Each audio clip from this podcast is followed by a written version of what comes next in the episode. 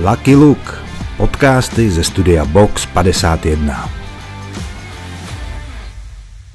Ahoj přátelé, ahoj kamarádi, ahoj holky a kluci. Já vás zdravím na tomhle YouTubeovém a podcastovém kanálu, který se jmenuje Lucky Luke. A to proto, že já se jmenuji Lukáš a občas bejvám šťastný. Jsme ve studiu Box 51 a dneska natáčíme pilotní díl eh, našich podcastů a to je rozhovor s, řekl bych, šedou eminencí českého filmu a tím naším hostem není nikdo jiný než Jan Bradáč. Ahoj Lukáši. Honzo, prosím tě, ty jsi šéf uh, Cinestaru a Falconu, dvou velkých společností, které se věnují uh, jak uh, cinema biznesu, tak produkci filmů.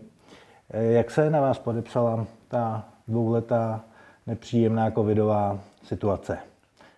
Tak já myslím, že některé šrámy zůstanou už navždycky, ale s tím se taky člověk popasuje. A já jsem někde řekl, že jsem pořád i po tom všem nepřestal věřit v dobré konce, tak já pořád věřím i v dobré začátky. Když něco skončí, tak něco zase dobrého začne. Tak já především doufám, že ta zkušenost nám přinesla spoustu nového poznání, které nepřipustí, abychom jako něco podobného zažili s takovými ztrátami po všech možných ohled, nebo ve všech možných ohledech. A já prostě opravdu věřím, že sice nás ještě nečeká úplně jednoduchý období, když to vezmeme především z toho ekonomického hlediska, ale mm, kino přežilo zatím do posud za těch více než 100 let skoro všechno, co ho potkalo jako vnější vliv, kdy by jako teoreticky mělo zahynout a nezahynulo nikdy. Tak já věřím, že i tohle je ten případ a prostě kino bude žít dál. Jenom se ho budeme muset asi naučit znovu číst, lidi, kteří do něj chodí a co v něm budeme hrát. Honzo, a teď v roce 2022 jsou u vás v kinech eh, jaký filmy největším tahákem? Když to vezmu, že ještě máme v čase eh, vzniku tohoto rozhovoru Avatar před sebou, tak eh, se mi chce říct, že ten finální divácký účet zdaleka není u konce, protože všichni kinaři a všichni lidi v biznisu se těší na to, až ten film přijde, protože samozřejmě pomůže tomu trhu, měl by do něj nalít poměrně podstatnou injekci peněz, protože diváci na ten film velmi čekají. Ale když to vezmu bez Avatara, tak si to vlastně krásně rozdali americké hity s těmi českými. A vlastně je to fajn, že my máme takovou unikátní pozici, kterou mm, najdu možná ve dvou dalších příkladech v Evropě a třeba takový američani by nám něco takového mohli z hlediska reference, samozřejmě my jsme výrazně menší teritorium, ale mohli by nám to jenom závidět, protože prostě to, že my tady máme v první pětici, v první desíce nejnavštěvovanějších titulů vyrovnanou skladbu jak domácí produkce, tak i ty americké, hmm. která se tady chytá, tak to je něco, co jsme moc potřebovali hlavně po té dlouhé covidové pauze. Takže vlastně největšími hity byl Vyšehrad, Top Gun se naprosto neuvěřitelně chytil. Top Gun jednoznačně, pokud nebudu počítat Avatar, protože ten už to letos nemůže během posledních 14 dnů v prosinci stihnout, ale v roce 22 je jednoznačným hitem českých kin Top Gun s nestárnoucím Tomem Cruisem. A mě jako pilota to dvakrát tak těší, protože ten film je vlastně nekonečně možný, nekonečně možný krát shlédnutí, který vlastně si člověk představí, protože je to opravdu velikánská zábava. A to je to, co se vlastně trefilo těm lidem dneska nejvíc. Nostalgie, vzpomínka na starý díl, ještě navíc teda jako je to takový, jako řekněme, nezávadný, to znamená, nemusíte u toho moc přemýšlet a jenom se nechat unášet. Tak to je super. No, z těch českých filmů tam ještě samozřejmě do toho promluvali, já nevím, třeba fungují i české pohádky, teď jako čerstvě funguje Princezna zakletá v čase, na jaře fungovala výborně Bambitka, což bylo takový velký překvapení pro trh. Samozřejmě funguje Marvel komiksy, na ty nesmím zapomenout, když je sami prodáváme v těch kinech. A ať už to byl Doctor Strange novej v květnu nebo v červenci, poslední verze Thora, Teď čerstvě je Black Panther v kinech, takže ono vlastně ty diváci toho Marvela mají furt to pokračování neustále něčím živený. No a ty mezi těmi českými filmy určitě velkou stopu v letošních výsledcích zanechal Žižka Petra Jákla, i když si myslím, že asi nesplnil ty představy a očekávání, které byly do toho filmu vkládané z hlediska divácké návštěvnosti, tak to rozhodně je velmi zaznamenání hodný výsledek a je to prostě... Kolik na to přišlo lidí? Teď v tuto chvíli je to nějakých 330, 340 tisíc diváků, což je na současnou dobu obrovský nadprůměr. Jako je řada filmů, která letos i na hranici 100 tisíc diváků koukala z velké dálky, myslím bohužel ze spoda. A je to prostě dáno tím, jak jsem říkal, to, to, to kino je v jakémsi transformačním procesu od eh, covidových pauz, uzávěr a různých omezení. Eh, se diváci skutečně naučili některý filmový i seriálový obsah vyhledávat doma, mají k tomu spoustu možností a do toho kina se rozhodnou jít už pouze jen někdy. No a jak se díváš eh, právě na ten rozmach těch streamovacích platform, který za ty poslední dva roky dostali ještě tu šanci vlastně větší. Eh, jak se díváš na to, že já vlastně nemusím odejít z obýváku, abych měl uh, docela dost dobrých filmů za docela malý peníze, protože vlastně to, co já dám za jeden film v kině, tak za to mám měsíc Netflix v podstatě. Mm, je to tak. Eh, mm, dokonce, když si v tom kině teda dáš ještě nějaké občerstvení, tak je Netflix výrazně levnější. To je nutno říct, ale já si myslím, že jsou to dva různé zážitky. Eh, říkal jsem to vždycky a říkat to budu dál. Eh, že prostě k té proměně publika v kinech došlo, dílem díky možnosti a v dané chvíli i jediné šanci, jak sledovat něco hejbacího, protože kina byla zavřená, tak to byl velký faktor, který toto ovlivnil ale on vlastně, ten, ty streamovací platformy už tady fungovaly před covidem. Ten covid pouze akceleroval tu jejich oblibu, to znamená, já si opravdu nemyslím, že by eh, covid zaručil, že teď ty streamovací platformy jsou ve velkém laufu. On jenom urychlil ten efekt toho uzavření, eh, urychlil ten efekt, který vlastně ty streamovací platformy chtěly dosáhnout. Ale stalo by se to stejně. I kdyby tady e, žádné blázení kolem covidu neprobíhalo, nezavíraly se kina, tak si myslím, že eh, by ty streamovací platformy dospěly do toho stádia, ve kterém jsou teď. Sami se potýkají s obrovskou konkurencí už vzájemně mezi sebou. Myslím si, že toho eh, obsahu, eh, těch filmů a seriálů je teď tolik, že je trochu problém to usledovat. Začne být i problém, aby lidi si vybrali, co, co kde, jak sledovat. Ale já z té tvý otázky nechci utíct, protože na to kino nezapomínám to kino vlastně mm, musí víc akcentovat a do budoucna i v aktuální době to vidíme, že to, co v tom kině budeš chtít vidět, tak má smysl mít, vidět, eh, má mít smysl vidět v kině. Protože e, nebudeš se tam koukat na seriály, tak ty v kinech nikdy neběžely, ale e, na ty věci, které jsou vytvořeny vlastně pro tu streamovací platformu, tak častokrát někdy mají, ale někdy taky nemají ten kinorozměr. rozměr. No, eh, já to nechci nazvat přímo spektakulárností, ale pomáhám si tím slovem, protože eh, když bychom dneska definovali diváka, který do kina, do kina chodí, tak chodí na komedie, dost častokrát ty české, ať už jsou jakékoliv, i když některé z nich už jako se jich jako lidi přejedli, ale prostě pořád ten žánr vede. Pak jsou to dětské a rodinné filmy, ty jsou taky opravdu sázkou na nejistotu, ale na vysokou pravděpodobnost, že tam těch diváků dostaneš dost. A pak jsou to takové ty filmy, které já buď nazývám spektakulárními, nebo jsou to až jako takové ty eventové věci. A e, ty se buď teda týkají nějakého známého příběhu, nebo známé postavy, známé osobnosti, nebo si vem z minulého roku Zátopka, to byl úplně ten stejný případ. A vlastně... jsem, na tom jsem byl u vás v kyně zrovna, no, no, no, na Vyšehradu. No, no, tak tady vlastně jako z tohoto pohledu přesně to zapadá do toho, eh, do, do, do do kategorizace, že tyhle ty tři skupiny eh, z pravidla jsou největšími tahouny té návštěvnosti. Všechno ostatní jako je jenom opravdu takové jako na ocásku, takových pár drobných. To dříve nebejvalo. Nám úplně bohužel zmizela eh, s kým taková ta středostavovská, takový ten middle class, film, který vlastně přitáhnul do kin třeba, já říkám s takovou jistotou, 50 až 150 tisíc diváků a podle toho, jak ten film překvapil, nebo jak byl dobrý, nebo jak jsem u těch lidí chytil. A tahle ta skupina filmů se strašně zúžila, nebo dokonce i zmizela. Protože pro tuto alternativu diváci ten stream skutečně používají a e, mohou tam toho najít spoustu a do kina se jim kvůli tomu úplně už nechce.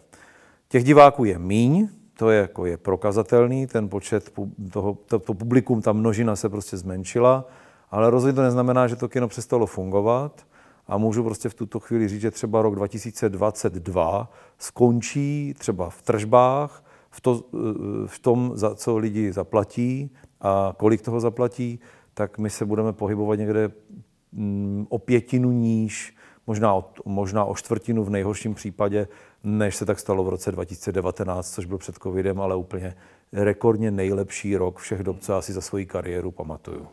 Takže vlastně to dopadlo dobře. Eh, zatím ano, zatím ano. Mm, moje prognoza je taková, že vidím, že pro rok 2023 eh, ta filmová nabídka, která je tím základním motorem toho, proč lidi do toho kina budou chodit, ta vhodná filmová nabídka, tak eh, ta zažije trošku pauzu. Eh, českou pauzu, nebude zdaleka tolik českých filmů a nevidím zatím žádný ten český film s takovou tou gloriolou typu, jo, tadyhle Vyšehrad, obrovský internetový fenomén, konvertovaný do filmového formátu, který bude fungovat, nebo na Žižku se taky strašně dlouho čekalo a byl to film s plným očekáváním, takže ty filmy měly kolem sebe jako ten hype jako předem, tak takový film úplně a priori tam takhle na první dobrou nevidím. Eh, navíc je jich tam míň celkově i do počtu. To samo o sobě nemusí být špatně, ale prostě není tam takový ten jasný lídr, který by řekl, jo, tohle to, na tohle bych vsadil. Je tam skupina slibných titulů, ale ne prostě takových těch opravdových, hmm. na první pohled jasných blockbusterů. Eh, to je z toho důvodu, že mm, eh, teď tady vlastně mm, je rok velká pauza s daňovými pobítkami, což je pro producenty velký problém, aby dorovnali rozpočty, za které ty filmy jsou schopni a ochotni vyrobit. A druhý problém, že teď se v roce 2023 projeví přece jenom ta určitá covidová pauza, protože ne, že by se filmy přestaly točit během covidu a během těch karantén a uzávěr, ale točilo se jich určitě míň. Aspoň těch, co jsou určeny pro plátna kin. A to tež se týká americké produkce. Tam je to navíc ještě způsobené tím, že američani a celá investorská sekce, která financuje celý filmový biznis Hollywoodu, považovala poslední rok a půl pod vlivem výsledků akciových trhů všech možných subjektů typu eh, Disneyho, Netflixu a tak dál, tak těm firmám se velmi dařilo, protože ty platformy pořád narůstaly. No a eh, když tu náhle jako eh, ty uzávěry pominuly, konkurence se strašně zvětšila a myslím si, že trošku ten Hollywood stojí na rozcestí, aby na to kino úplně nezapomněl. A ono se o tom třeba teď moc nemluví, ale třeba americká kina potichu dost zavírají. A to proto, že právě třeba proti nám v tomhle roce neměli toho obsahu tolik a nedokázali se na něm uživit. A v té Americe to častokrát jako opravdu funguje velmi jednoduše. Nefunguje to, tak já to zavřu a jdu dělat něco jiného. A jak se díváš na to, že v České republice, hlavně v posledních letech jsem se toho všiml, vzniká obrovské množství komedií, eh, takových těch lehkých, eh, který jako neurazej, klidně se na to podívám, ale zároveň to není žádný umělecký díl většinou. Ně, některý urazej, ano. no, tak teď jsem třeba viděl jednu komedii, jako hezky natočený super herci, ale vlastně se tam nic nestalo v tom filmu. Jo. A já jsem si říkal do prčic, jako chápu, chápu, že je potřeba točit filmy mm, a není jednoduchý na ně sehnat peníze, takže se dělají i projekty, které musí stát málo peněz ale jestli až takhle daleko je to potřeba jako jít, eh, jak ty se na to díváš eh, s tou zkušeností, kdy ty sám si natočil eh, z mýho pohledu velmi kvalitní český film, mluvím o Stínohoře. Mm-hmm. Z mýho pohledu to musel být poměrně náročný film, protože je docela dost herců, má to nějakou uměleckou nadstavbu, je tam složitý scénář, dobrý příběh a Teď ty vyrobíš takovýhle náročný film, ke kterému ještě tvoje žena psala scénář, jestli se nepletu, ty si, ty si vymyslel námět. A, a to muselo stát obrovský úsilí, spoustu času a peněz, ale potom na tu komedii nějakou přijde třeba pět, pětinásobně víc lidí, než na ten tvůj film, byť teď ta doba je teda taková, eh, nebo to jaro bylo ještě takový jako zmatený asi trochu. Ale není ti tohle líto? Není to nový jev. Tím, co se nám třeba stalo ze Stínohrou, jsem nebyl překvapen eh, ve smyslu toho, eh, v jakém poměru se eh, jeví ta návštěvnost na filmy dramatické, vážné, thrillerové a na ty, které opravdu člověka mm, vysloveně jako potěší na duši nějakým humorem nebo nějakým třeba i dojemným příběhem a tak dále. Dlouhodobě česká kina a česká filmová tvorba tam má ta komedie fakticky dlouhou tradici. A je to obtížný žánr, nakolik to vlastně na první pohled tak nevypadá, je to velmi obtížný žánr. Já mám do dneška strašnou radost z toho, že jsem měl možnost být na blízku v nějakém období, byť to vlastně byl jako, řekněme, zenit její kariéry, ale strašně jsem vděčný za to, že nás vedly ty filmové a životní cesty dohromady a s Maruškou Poledňákou jsme dělali ty dvě komedie Líbáš jako Bůh a Líbáš jako ďábel. Eh, jednak se mi líbilo, že vidím, jak to tenhle ten eh, tradiční tvůrce, který byl zvyklý točit i před 20, 30, 40 lety, já jsem říkal, že když natočila svůj první film, bylo mi sedm a když jsem byl jedním z producentů jejího předposledního filmu, tak mi bylo skoro 40 tak vlastně to jenom naznačuje, přes jaké období ona se rozkročila a byla fakt skvělá. Ale Marie prostě točila filmy opravdu tak, jak to se to dělalo po staru a bylo to hrozně zajímavou zkušeností a bylo to strašně zábavný, dobrodružný po všech stránkách. U těch českých komedií, když se na ně díváme jako na žánr a na tradici, tak eh, je hrozně poznat, když to odflákneš, a nebo když si s tím dáš tu práci. A nutno říct, že mm, ta druhá dekáda nového tisíciletí přinesla obrovskou, i po té první, protože vlastně mm, Marie se vrátila třeba do komedií v roce 2006, jestli se nepletu, Jak se krotí krokodýly, to ještě vysloveně vzala takovou tu dětsko-rodinou, eh, ještě tu, tu úroveň, kdy prostě tam bylo hodně těch dětí a hodně těch dospělých, ale když vlastně jako se podíváme na ty komedie jako na celek, tak to zacílení na celou rodinu bylo vždycky vlastně to divácky nejvděčnější a nejúspěšnější, protože na to mohli prostě chodit i děti s rodičem a rodiče s dětma. Vytrhnout vedli bez stoličku. Přesně tak, no tak vlastně s těma krokodýlema ona třeba chtěla trošku jako zabrousit do, do podobného zásahu. E, když Honza Svěrák se svým tatínkem natočili Vratné lahve, hmm. tak vlastně to byl třeba film, kde taky vlastně děti brali svoje rodiče do kina. To bylo výborný efekt. Taky proto ten film měl prostě obrovský úspěch a udělal vysoko přes milion. Jo. Eh, to, co vlastně oni dokázali dělat se tmavodrým světem i s Koliou v 90. letech nebo na přelomu tisíciletí, tak to tady vlastně dokázali znova zopakovat. A bylo to vlastně fakt takový, kdy ty komedie, když byly udělané poctivě, stálo to taky samozřejmě nemálo peněz, tak to fungovalo velmi dobře. Eh, těch komedií začalo vznikat ale čím dál tím víc. A eh, zaprvé bylo, začalo, se být, začalo být poznat. Pokud se to udělal rychle, trošku se to jako vošidil, nebyl tam někdy třeba, řekněme, úplný upřímný záměr, tak to, nebo když to prostě dobře ta chemie nefungovala, tak to nesedlo a ten divák to z nějakého důvodu poznal. No mě na to mimochodem vždycky baví to pozorovat, jak někdy divák od prvního dne ví, že ten daný film se buď nepovedne, ho prostě nechce vidět. A to rozhodnutí prostě jako udělá a dá to jako od prvního dne najevo, že do té kasy ty prachy prostě nepřinese. Ale když se potom objeví takový lidi, ještě jako je, já nevím, z té další generace Jirka Vejdělek s ženama v pokušení, muži v naději, nebo teď vlastně i v produkci Tomáše Hoffmana, kde vznikla spousta těchto těch úspěšných komedií a jeho největší poslední zářez byl vlastně ženy v běhu, že jako v producentskou taktovkou a v režii Martina Horského, tak to bylo 1,5 milionu diváků, to byl snad jako nejlepší výsledek za posledních, nevím, 25-20 let, v divácích, v penězích ani nemluvě. Tak tady vlastně jako je vidět, že to funguje, ale bylo toho moc a řada uh, projektů, které chtěla jako ten úspěch napodobit, tak se to nepovedlo. A jak to tak většinou dopadá, čím víc těch filmů vzniká, tak dochází k určitý devalvaci. A když to zkrátím, tak vlastně v rámci té devalvace už jsme mohli vidět občas nějaké filmy, které se vysloveně nepovedly, nebo to byly až skoro jako šmírovatý typy projektů. A ještě před eh, krizí eh, se i v té době velké návštěvnosti prostě horko těžko dostávali přes 100 tisíc diváků a to vlastně v té době bylo považováno spíš za neúspěch. No, co by za to let, které české komedie roku 2022 dali, aby se podívali třeba aspoň na úroveň 50, hmm. někdy 80, někdy 100 tisíc diváků. V tom se ta doba hodně změnila a divák dal těm tvůrcům trochu najevo, že jednak nebude se do kina vracet na všechno, když to vezm jako, od, jako že by odpoutal se od toho gauče a od těch svých obrazovek domácích. Neznamená to, že tam už nikdy nepřijde, neznamená to, že tam nechodí, ale velmi zásadně začal vážit okamžik a rozhodnutí, kdy se sebere a do toho kina prostě půjde na tyto typy filmů.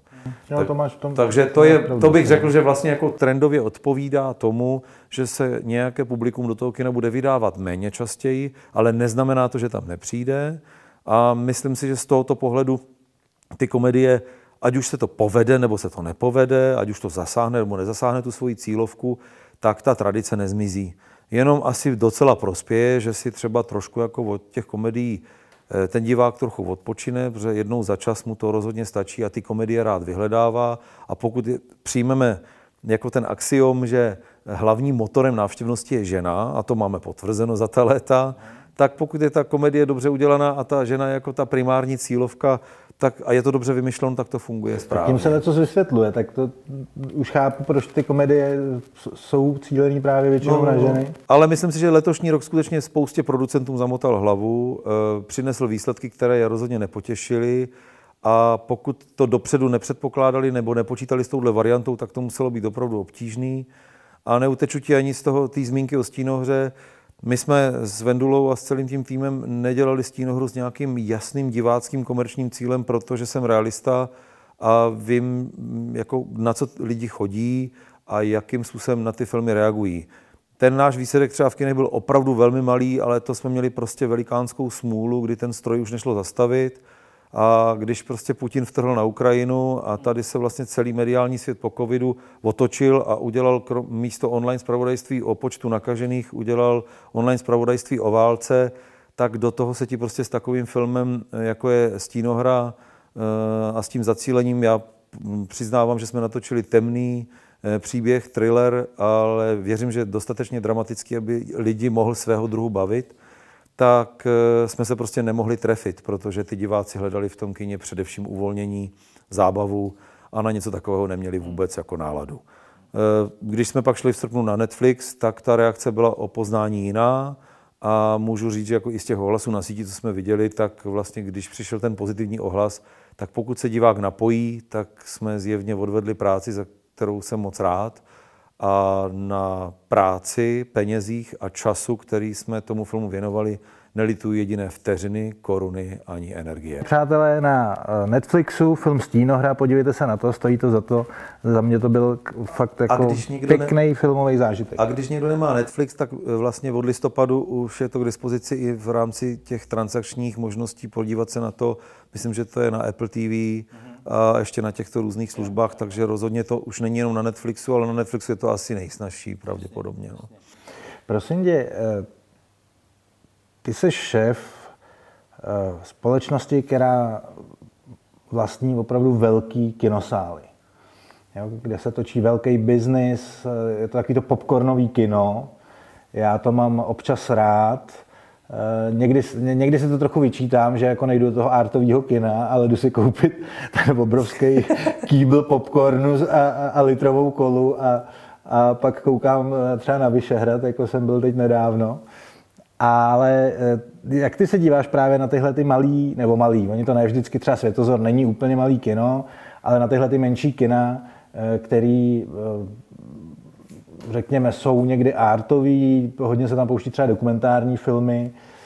Eh, jak ty se díváš na tuhle tu víceméně spíš pražskou scénu, já nevím, jestli v Brně nebo v Ostravě jsou takovýhle malý kina, ale v Praze je to poměrně eh, velká část asi toho filmového trhu.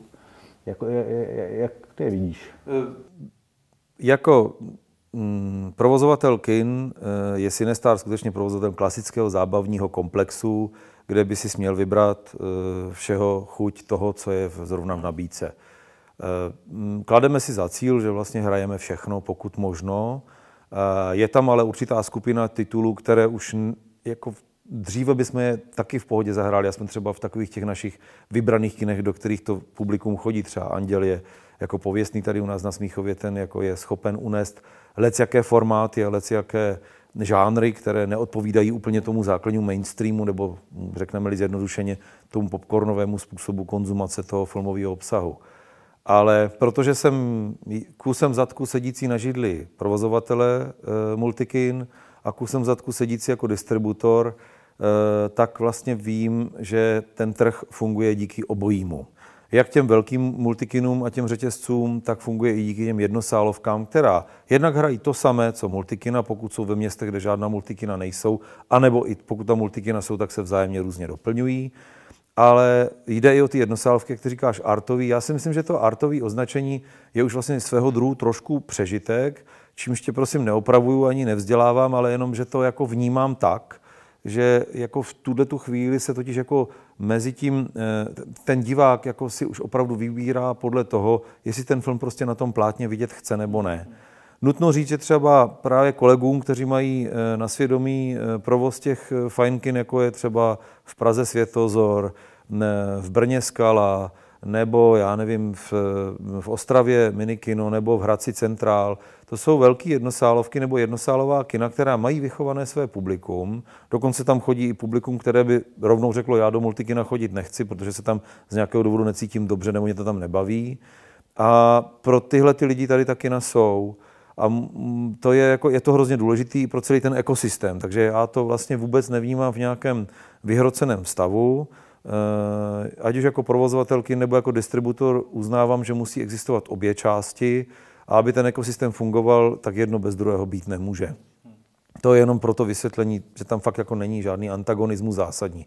To třeba bývalo ze začátku, než si vlastně jako lidi na ty multikina zvykli, tak se tady bá, byla velká obava, že ta multikina ty maláky jako sežerou, seberou jim diváky ale třeba právě provozovatele a kluci, co dělali vlastně veškerý ten aeroprojekt, jak tomu z radostí, tak říkám, že to má spojitost s tím lítáním, který mi taky učarovalo, tak vlastně eh, ten Světozor, Aero, Oko, Skala Brno, eh, Centrál Hradec a další kina po republice, tak oni vlastně skutečně našli na tom trhu Niku nebo takovou alternativu, kterou ty diváci taky chtěli a multikino jim ji nabídnout nemohlo.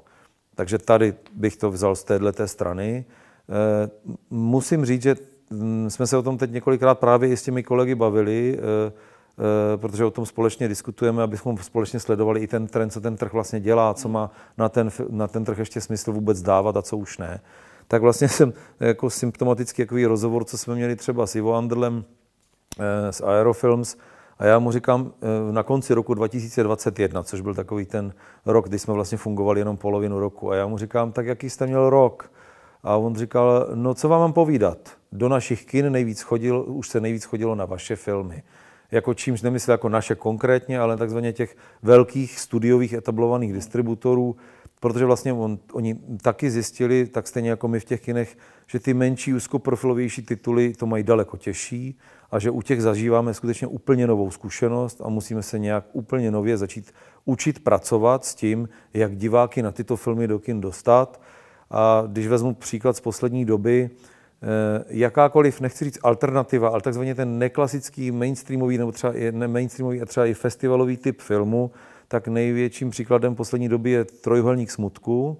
Ten si dělá svoje diváky, sbírá je ale poměrně jako dost obtížně. Ve vybraných kinech ho vlastně můžeš hrát pořád, protože my ho, já si myslím, že my ho třeba na Andělu budeme hrát až do konce roku, protože pořád si své publikum jako najde, ale je to spíš výjimka jako už je to horší s těmi tituly, aby jako nějakým způsobem jako zabrali a nějakou tu skupinu diváků, která nechce na ten mainstream chodit, tak aby na něj přišla zrovna na tohle.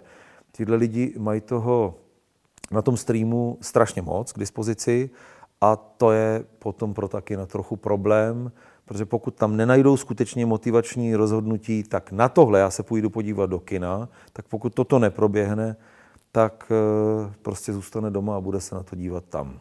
Jak je těžký pro tvůrce filmů se vlastně dostat do dobrýho kina nebo do dobré distribuce? Když já bych si natočil film a přišel bych za tebou a řekl, hele, mám tady super film a chtěl bych, abyste ho pustili v kině. Co, co, co se všechno musí stát, aby, aby se film ocitl v kině? Tak eh, před pauzou, před krizí, před tou covidovou bylo to vlastně dost poměrně snadné. S nástupem digitalizace jsem, jako možná to trošku mohlo znít cynicky, ale říkával jsem neúplně rád, ale byla to pravda, eh, že se do toho kina mohl dostat každý jouda. Kdyby si natočil film jakkoliv, ten digitál vlastně strašně zlevnil tento rozhraní, který v dřívějších dobách, v dobách analogu, přece jenom představoval určitou finanční překážku a dostat ten film na filmovou kopii bylo tak jako drahé, že si to jeden rozmyslel, jestli za to ty peníze vydá, aby to stálo za to, aby to kina pak zahrála. S nástupem digitalizace se vlastně tenhle, ten, ta finanční překážka konverze toho natočeného materiálu, na ten, abys to měl na tom filmu, protože mohl to na digitál natočit a pak to na ten film převed, tak tenhle ten finanční aspekt věcí zmizel a člověk si mohl natočit eh, klidně film na mobil a když to převedl do správného digitálního formátu, což zdaleka nebylo tak drahý, tak se prostě do toho kina dostal, pokud našel distributora a kina, která jsou ochotná ten film zahrát. Tohle to vlastně fungovalo až do toho roku 2019, proto se prostě taky stalo, že těch filmů bylo v jednu chvíli opravdu hodně. Třeba na poli těch komedií se občas opravdu objevily jako i takový jako šmírovatý věci, které prostě neměly kvalitu technickou, eh, obsahovou, nijak zásadně, bylo toho opravdu hodně. A tam jako došlo k tomu, že se začal vlastně tvořit určitý, jako řekněme, eh, předpoklad pro to, co, se, co teď vidíme v reálném čase. Teď si myslím, že ne už každý něco natočí a ostatní si z toho sednou na zadek a můžeme to hodit do kina a uvidíme, kdo přijde. Teď začínají víc a víc distributoři i kinaři zvažovat, co zahrajou, co ne. Jsou už filmy, které se do kina dostanou na týden, že je tam ani nevidíš. Nestačí, že zaregistrovat.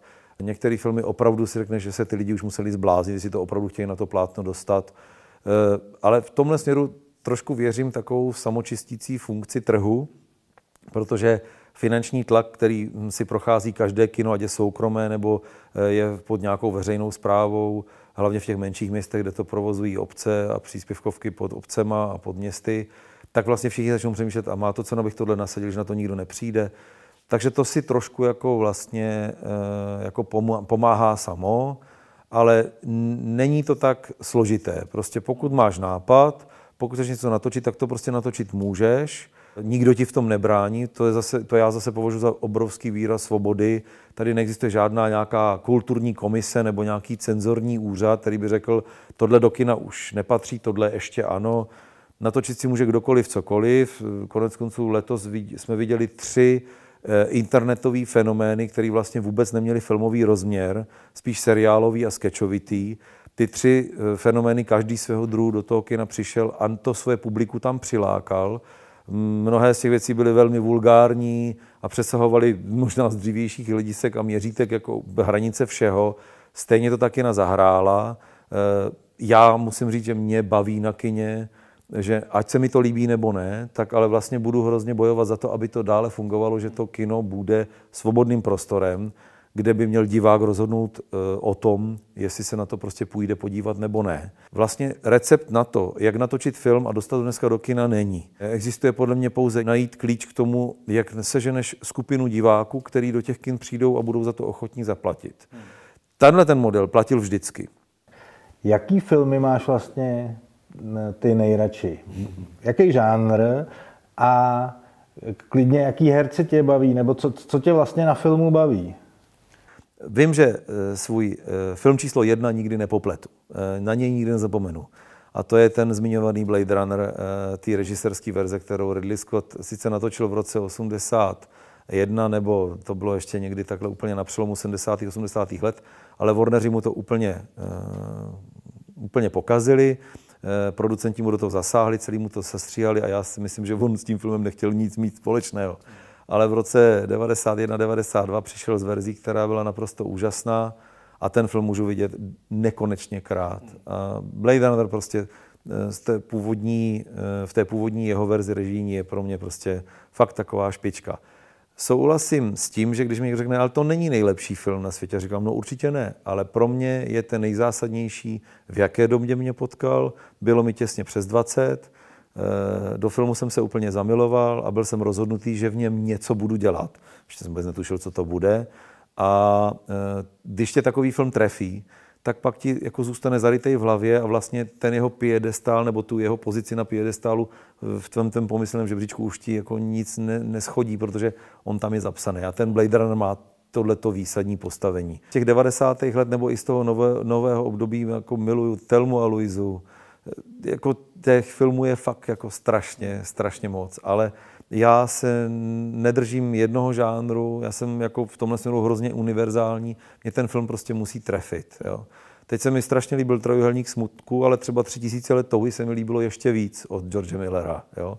Nebo když vezmu třeba takový ty filmy, jako, eh, jako třeba dělal jako Ridley Scott, tak celý ten jeho průřez ta, nebo Fincher, to jsou jako nesmrtelnosti. Tam můžeš vyjmenovat, co si, teď jsem si vzpomněl na Fight Club, nebo jsem si vzpomněl na Podfuk. Včera jsme se o tom bavili zrovna to jsou super s Honzou filmy, Prušinovským, no. kdy prostě jsme, se mi fakt jako líbilo, že jako ty, ty tvůrci jsou jako ochotní do špinavého prostředí bavit se o, o, nebo bavit se postavama, který na první pohled by si s nima ani na pivo nešel, ale pak se koukáš na plátno a strašně se řežeš. A přitom je to jako občas jako fakt sakramensky vážný, ale jako to je, to je hrozně kouzelný tohle sledovat. Takže ten výčet mě vždycky jenom tak jako rozohní, říkám, no teď bych ještě věnoval dalších deset filmů, ale na žádný si zrovna nemůžu vzpomenout. Že? To je stejný jako s muzikou, viď? to taky Je to tak. to je podobný. Je to tak. No ale eh, teď teda zase tě budu snažit trochu nachytat. Jaký eh, film by si vybral jako nejoblíbenější z těch, na kterých se, na který, na kterých se podílel? Hmm, to, je, ne, to není chyták, ale je to teda se sakramensky obtížná otázka. No. Já si vlastně hm, vzpomenu asi úplně e, na ten jeden z těch prvních, který, e, e, který, když jsme ve Falconu začínali dělat český filmy, protože vlastně já, když jsem do Falconu v 95. přišel, tak tam byl hlavním gro té činnosti byly prodej a servis pro filmy od Sony a od Disneyho. Eh, tehdy to byla Columbia Pictures a TriStar Pictures a Buena Vista International, ale oni různě pracovali s těmi brandy, které prodávali ty velké studia. A jsou to všechno jako tradiční studia velký, že, který v tom Hollywoodu fungují. Že by the way, Disney, myslím, příští rok oslaví 100 let, takže jako je to fakt dlouho. A je to fakt jako tradiční, obrovský molochy jsou to.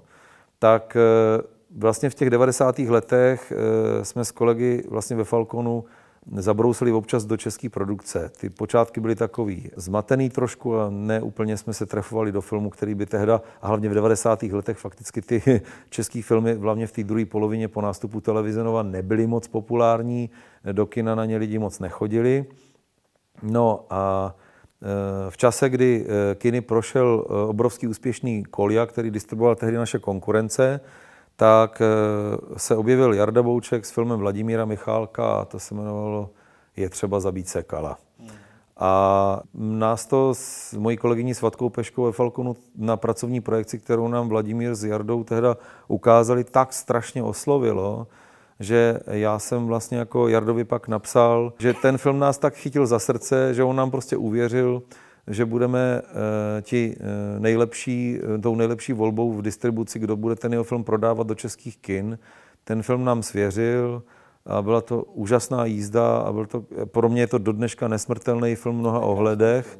A ten jsme prostě distribuovali v roce 98 a tím jsme zahájili éru českých filmů, z nich mnohých jsme udělali jako neskutečnou návštěvnost ale na tehdejší dobu na Sekala přišlo asi 140 tisíc lidí, což ale prostě na tento typ filmu bylo vlastně pro nás jako, jako obrovské číslo, ale o tu návštěvnost vlastně jako šlo jedním dílem, ale druhým dílem šlo o to prostě takový film dostat do kina a bylo to vlastně velký zážitek. Na ten film vlastně nemůžu zapomenout. Jako, to je, jako fakt je pro tu kariéru jako fakt důležitý tak tím jsme prostě začali a u těch českých producentů jsme tím jako řekli, hele, děláme nejenom americké filmy, děláme i český, protože spousta z nich si myslela, že jsme dokonce že jsme americká společnost, která dělá americká, eh, americké, americká studia a jejich filmy. A já jsem říkal, ne, ne, my máme jedno akcionáře, to je Čech jak poleno, teda sice 30 let žil v Německu předtím, ale prostě je to Čech a my jsme česká společnost, takže pojďte do nás. No a tak nějak to tam to začalo. Takže asi bych vyzdvihl Sekala. Ne jako nejlepší, ne jako e, bezvýhradný, ale rozhodně jako film mýho srdce to je.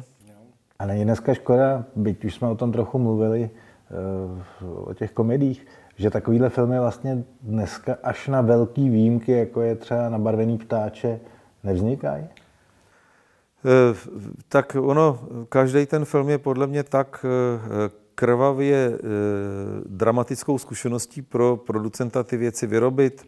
E, Isekal ve své době nevznikal snadno, zafinancovat takové filmy není snadné podle mě v žádné době.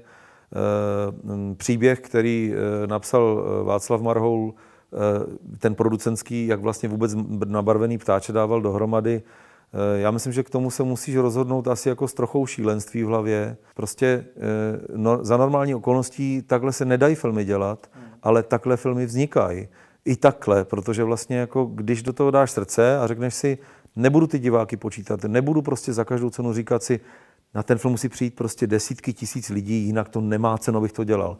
Ne, ta hodnota je prostě jinde a je i v čase. Eh, to bych řekl, že je vlastně v, mém, v mé zkušenosti a v, jaksi v mé kariéře vlastně velký poznání, když si rekapituluju třeba těch bezmála 30 let, kdy tuhle práci děláme, tak si uvědomuju, že Eh, mnohdykrát se vlastně u těch filmů jako ten tvůj život toho distributora, obchodníka s tím filmem nebo i producenta jako smrskne na to, že když už je ten film jako hotový, celý to jako dovalíš do toho okamžiku, že je tam takzvaná ta cílová a zároveň startovací rovinka. Film je hotov a teď tady prostě teda ty kina otevřou ty brány, přijde ten premiérový čtvrtek, ty ten film hodíš do toho kina a řekneš si, no a teď, teď přijďte.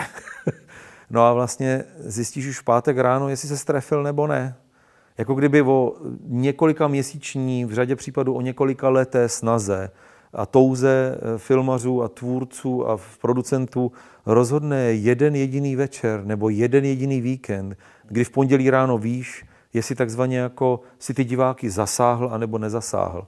Eh, musím říct, že jsem se naučil během té doby eh, poznání, nebo pochopil jsem poznání, že to zdaleka o jednom víkendu není. Ano, ten víkend mnohdy rozhodne o tom, jestli zrovna v daném čase ten film prostě bude fungovat, eh, jestli nějak vydělá ty peníze zpátky, je to důležité a nijak to nesnižuju a je to opravdu někdy velmi hořké, když to nezafunguje.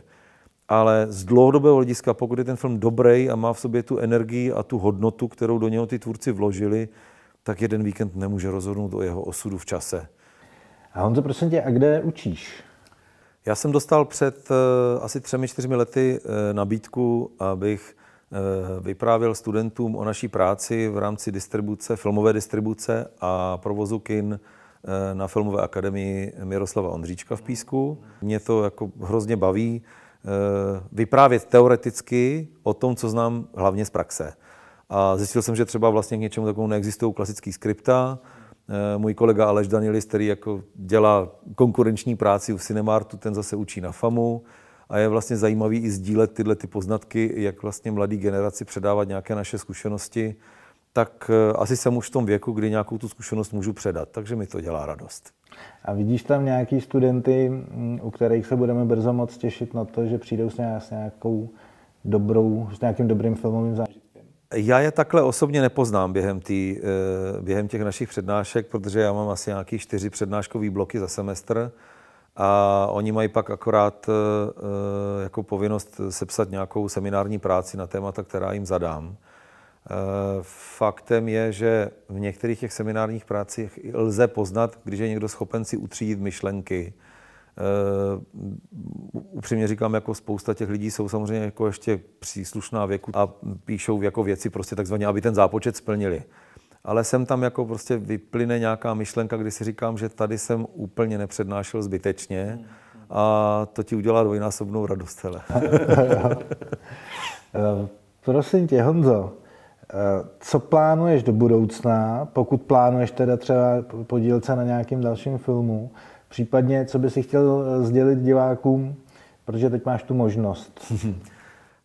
Eh, tak já myslím, že jako, když se někdy jako zpětně podíváme na tenhle rozhovor, za, za pozvání k němu velmi děkuji, tak eh, protože mě těší, že k pilotnímu pořadu jsem byl jako eh, přizván a vzhledem k tomu, že víš o mě, že jsem sportovní amatérský pilot, tak vlastně jako je to hezký nomen omen, ale já si myslím, že ty cíle si člověk má nějaký dávat prostě proto, aby věděl, kam jde. Eh, na jednu stranu si říkám, že vlastně už jako není moc kam jako jít, aspoň ne v našich končinách, ale eh, pořád si myslím, že je ještě o co stát, je o co bojovat, je dobré se furt učit, takže já prostě vidím, že ve filmu a v kinech se pořád budeme mít co učit, protože věřím tomu, že kino nezahyne a zatím si pořád stojím. A věřím tomu, že e, nějaký film se ještě naskytne, i když teď konkrétní projekt nemám, Eh, spíš pracujeme se ženou, se ženou a ještě s jedním eh, kamarádem na eh, dvou televizních minisériích, respektive asi spíš určený pro nějakou streamovací platformu, tak to je vysloveně ve stádiu vývoje a do toho si prostě myslím, že ta filmová nabídka hned tak jenom neskončí.